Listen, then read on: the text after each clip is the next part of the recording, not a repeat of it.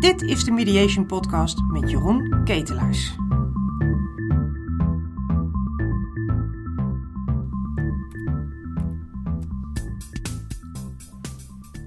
Conflict en verzoening onder de kerstboom. Er zijn mensen die willen je omarmen omdat het kerstmis is, maar er zijn ook mensen die willen je wurgen omdat het kerstmis is. Al dus een bekend citaat van Robert Lind. Het heilige moeten. De decembermaand is elk jaar weer een indrukwekkende maand en zeker in deze coronatijd.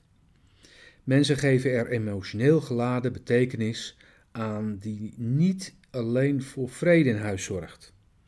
Het woord moeten zit ons in december vaak behoorlijk in de weg. Het moet gezellig zijn. Er moet een kerstboom komen en daar moeten cadeautjes onder. Eerste kerstdag moeten we naar haar ouders. Tweede kerstdag moeten we naar zijn ouders. En oud en nieuw moeten we met de buren of vrienden vieren. Conflicten moeten zijn opgelost, want het nieuwe jaar ingaan zonder ruzies te hebben bijgelegd, dat kan natuurlijk niet.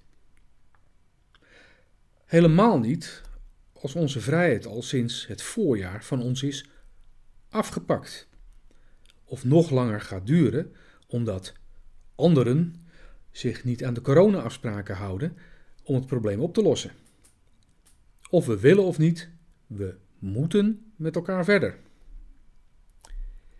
Vrede op aard. Deze kerstgedachte wordt dan ook gewillig ingezet om ruzies bij te leggen. Er is natuurlijk niks mis mee. Vrede op aarde is een mooie aanleiding om een eerste stap te zetten in het oplossen van een conflict. Maar als het jouw kerstgedachte is dat anderen hun conflict moeten bijleggen, dan zou ik daar toch enkele vraagtekens bij zetten als ik jou was.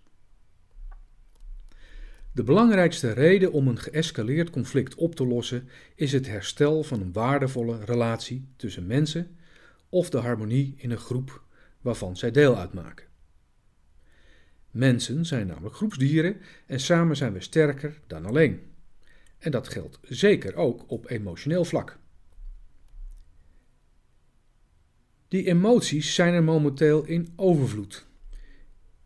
En corona en de overheid krijgen de schuld. Ze in Den Haag nemen onze vrijheid af en het verlies aan controle, met de ander zijn en je autonoom kunnen voelen ofwel het verlies aan zelfbeschikking, maakt dat mensen die onbalans willen herstellen. Dat heet systeemdynamiek. Mensen gaan protesteren om zich gehoord te voelen. Ze vernielen zelfs bushokjes en vallen ook nog politie en zorgpersoneel aan. Maar aan de andere kant gaan mensen ook juist maaltijden bestellen bij de onder druk staande horeca om die te steunen of applaudisseren zij voor de zorg en verklaren zij zich zo solidair. Maar wat mensen eigenlijk doen, is zichzelf een beetje beter laten voelen, omdat het geven van een maaltijdopdracht of het geven van applaus een goed gevoel geeft, namelijk aan jezelf. Je hebt dan weer het gevoel van autonomie, het gevoel van verbonden zijn met de ander en het gevoel van controle hebben. En dat door middel van die horecabestelling of zorgapplaus. Je zelfbeschikking gaat zo weer in de aanpositie, in plaats van dat je je machteloos voelt en angst hebt voor het onbekende. Je kunt namelijk iets doen. En dat gebeurt dus ook rond de feestdagen. Het gevoel van steun en verbondenheid, en dat te kunnen geven en zo te kunnen voelen, wordt in ieder reclamespotje immers aangewakkerd. Mensen mogen, lees moeten, niet alleen zijn. En aan de kerstdis moet harmonie en saamhorigheid heersen. Reden dat er ineens overal interventies ontstaan binnen de familie, op het werk of tussen buren. Maar betreft het hier een interventie voor jezelf, of een onbaatzuchtige ondersteuning in de verzoening tussen twee andere partijen. Het is logisch dat de familie of een groep graag wil dat leden van die familie of groep een conflict oplossen. Het beïnvloedt immers het functioneren en het voortbestaan daarvan.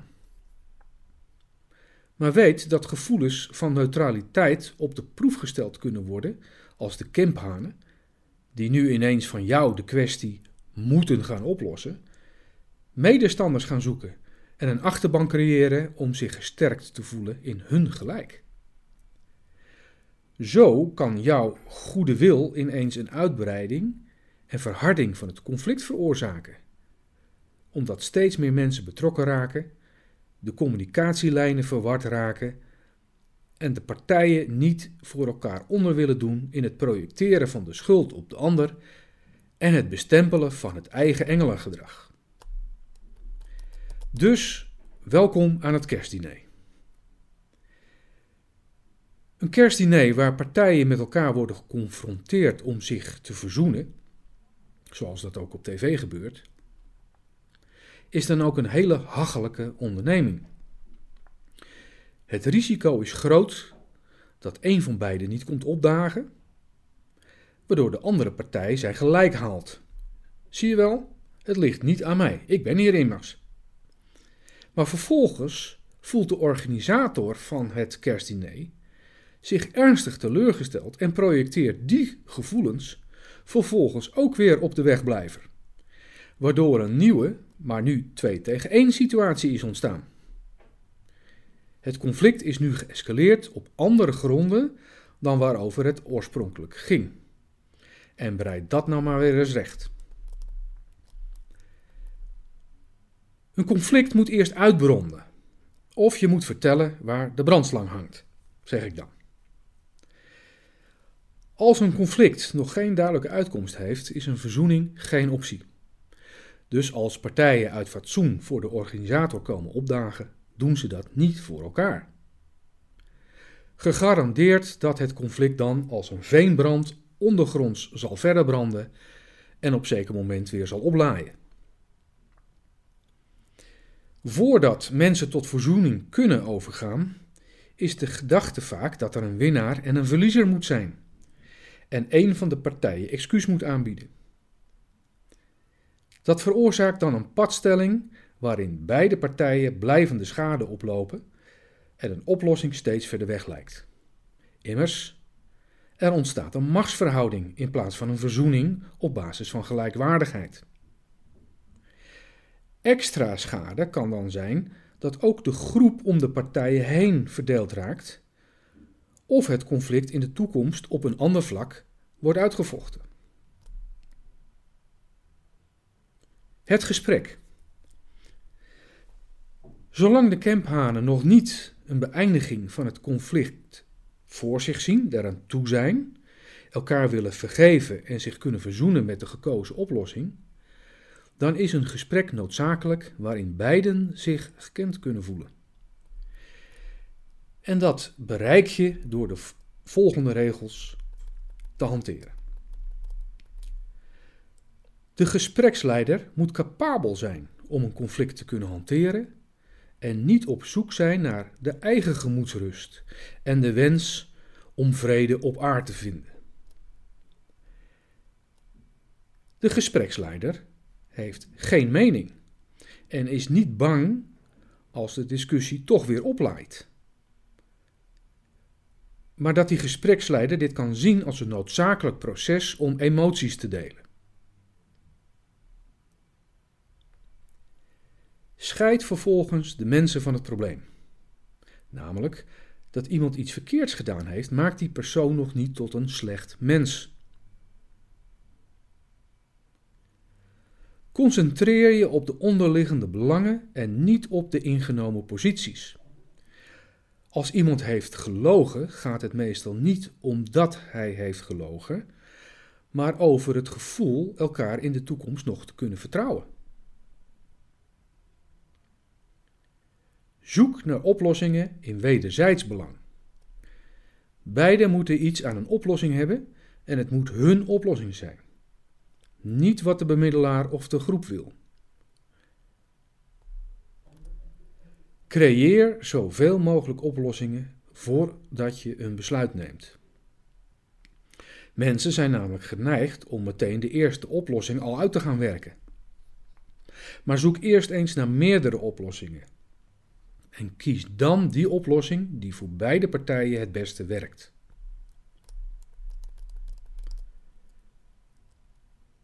De broodnodige verzoening die nodig is. Een goed gesprek zoekt niet naar wie gelijk heeft, maar richt zich op de effecten van het conflict en de wens samen iets anders te willen dan het conflict. Het is dus beter te zoeken naar iets dat bindt, maar met erkenning voor wat is gebeurd, zonder dat iemand een knieval moet maken. Het gezamenlijk belang van de partijen en een omgeving, dat is het nieuwe zijn. Niet de oplossing van het verleden alleen. Het is de veilige situatie waarin iedereen wil kunnen terugkeren. Maar soms is er echt wel een gelijk nodig. Als iemand echt een ander heeft beschadigd, kom je niet weg met alleen maar naar de toekomst kijken. Een excuus is dan gewoon nodig. Maar een excuus dient waardig te zijn voor beide. Het moet oprecht worden aangeboden, maar nog veel belangrijker, het moet ook oprecht worden ontvangen door het gemeend te aanvaarden. Anders is het gewoon een momentje om verder te kunnen, ofwel een compromis. En compromissen zijn maar beperkt houdbaar. Verzoenen en troosten helpt de verliezer de wonden te likken en zich weer aan te sluiten bij de groep. Maar ook de winnaar heeft baat bij een verzoening.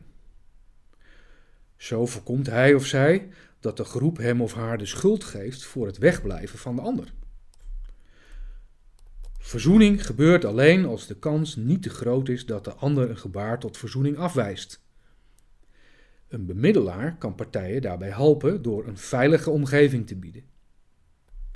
En de vraag is of een opgedrongen kerstdiner een veilige omgeving is. Ze helpen mediators of een wijze oom of tante de conflictgenoten bij het herstellen van positief sociaal gedrag en door hen opnieuw een plaats in de groep te geven. Het helpt tevens om ten overstaan van elkaar of de groep een duidelijk gebaar te maken van verzoening. Bijvoorbeeld door sorry te zeggen, excuus aan te bieden en het lichamelijk contact te herstellen dat bij een intieme relatie hoort bijvoorbeeld door elkaar een hand te geven of elkaar te omhelzen. Door samen iets positiefs te doen, geeft dat een signaal aan elkaar en aan de anderen dat het conflict is bijgelegd. En dan, ja, pas dan, wens ik je een fijne kerst en een nog veel gelukkiger nieuwjaar. Dit was de Mediation Podcast van deze week. Wil je meer informatie over dit onderwerp? Kijk dan op basic-mediation.nl. Tussen de tijd dat deze podcast is opgenomen en je hebt geluisterd, kan een langere periode zitten. Check dus altijd de juiste of meest actuele wetgeving voordat je bepaalde besluiten of stappen onderneemt. Tot de volgende Mediation Podcast.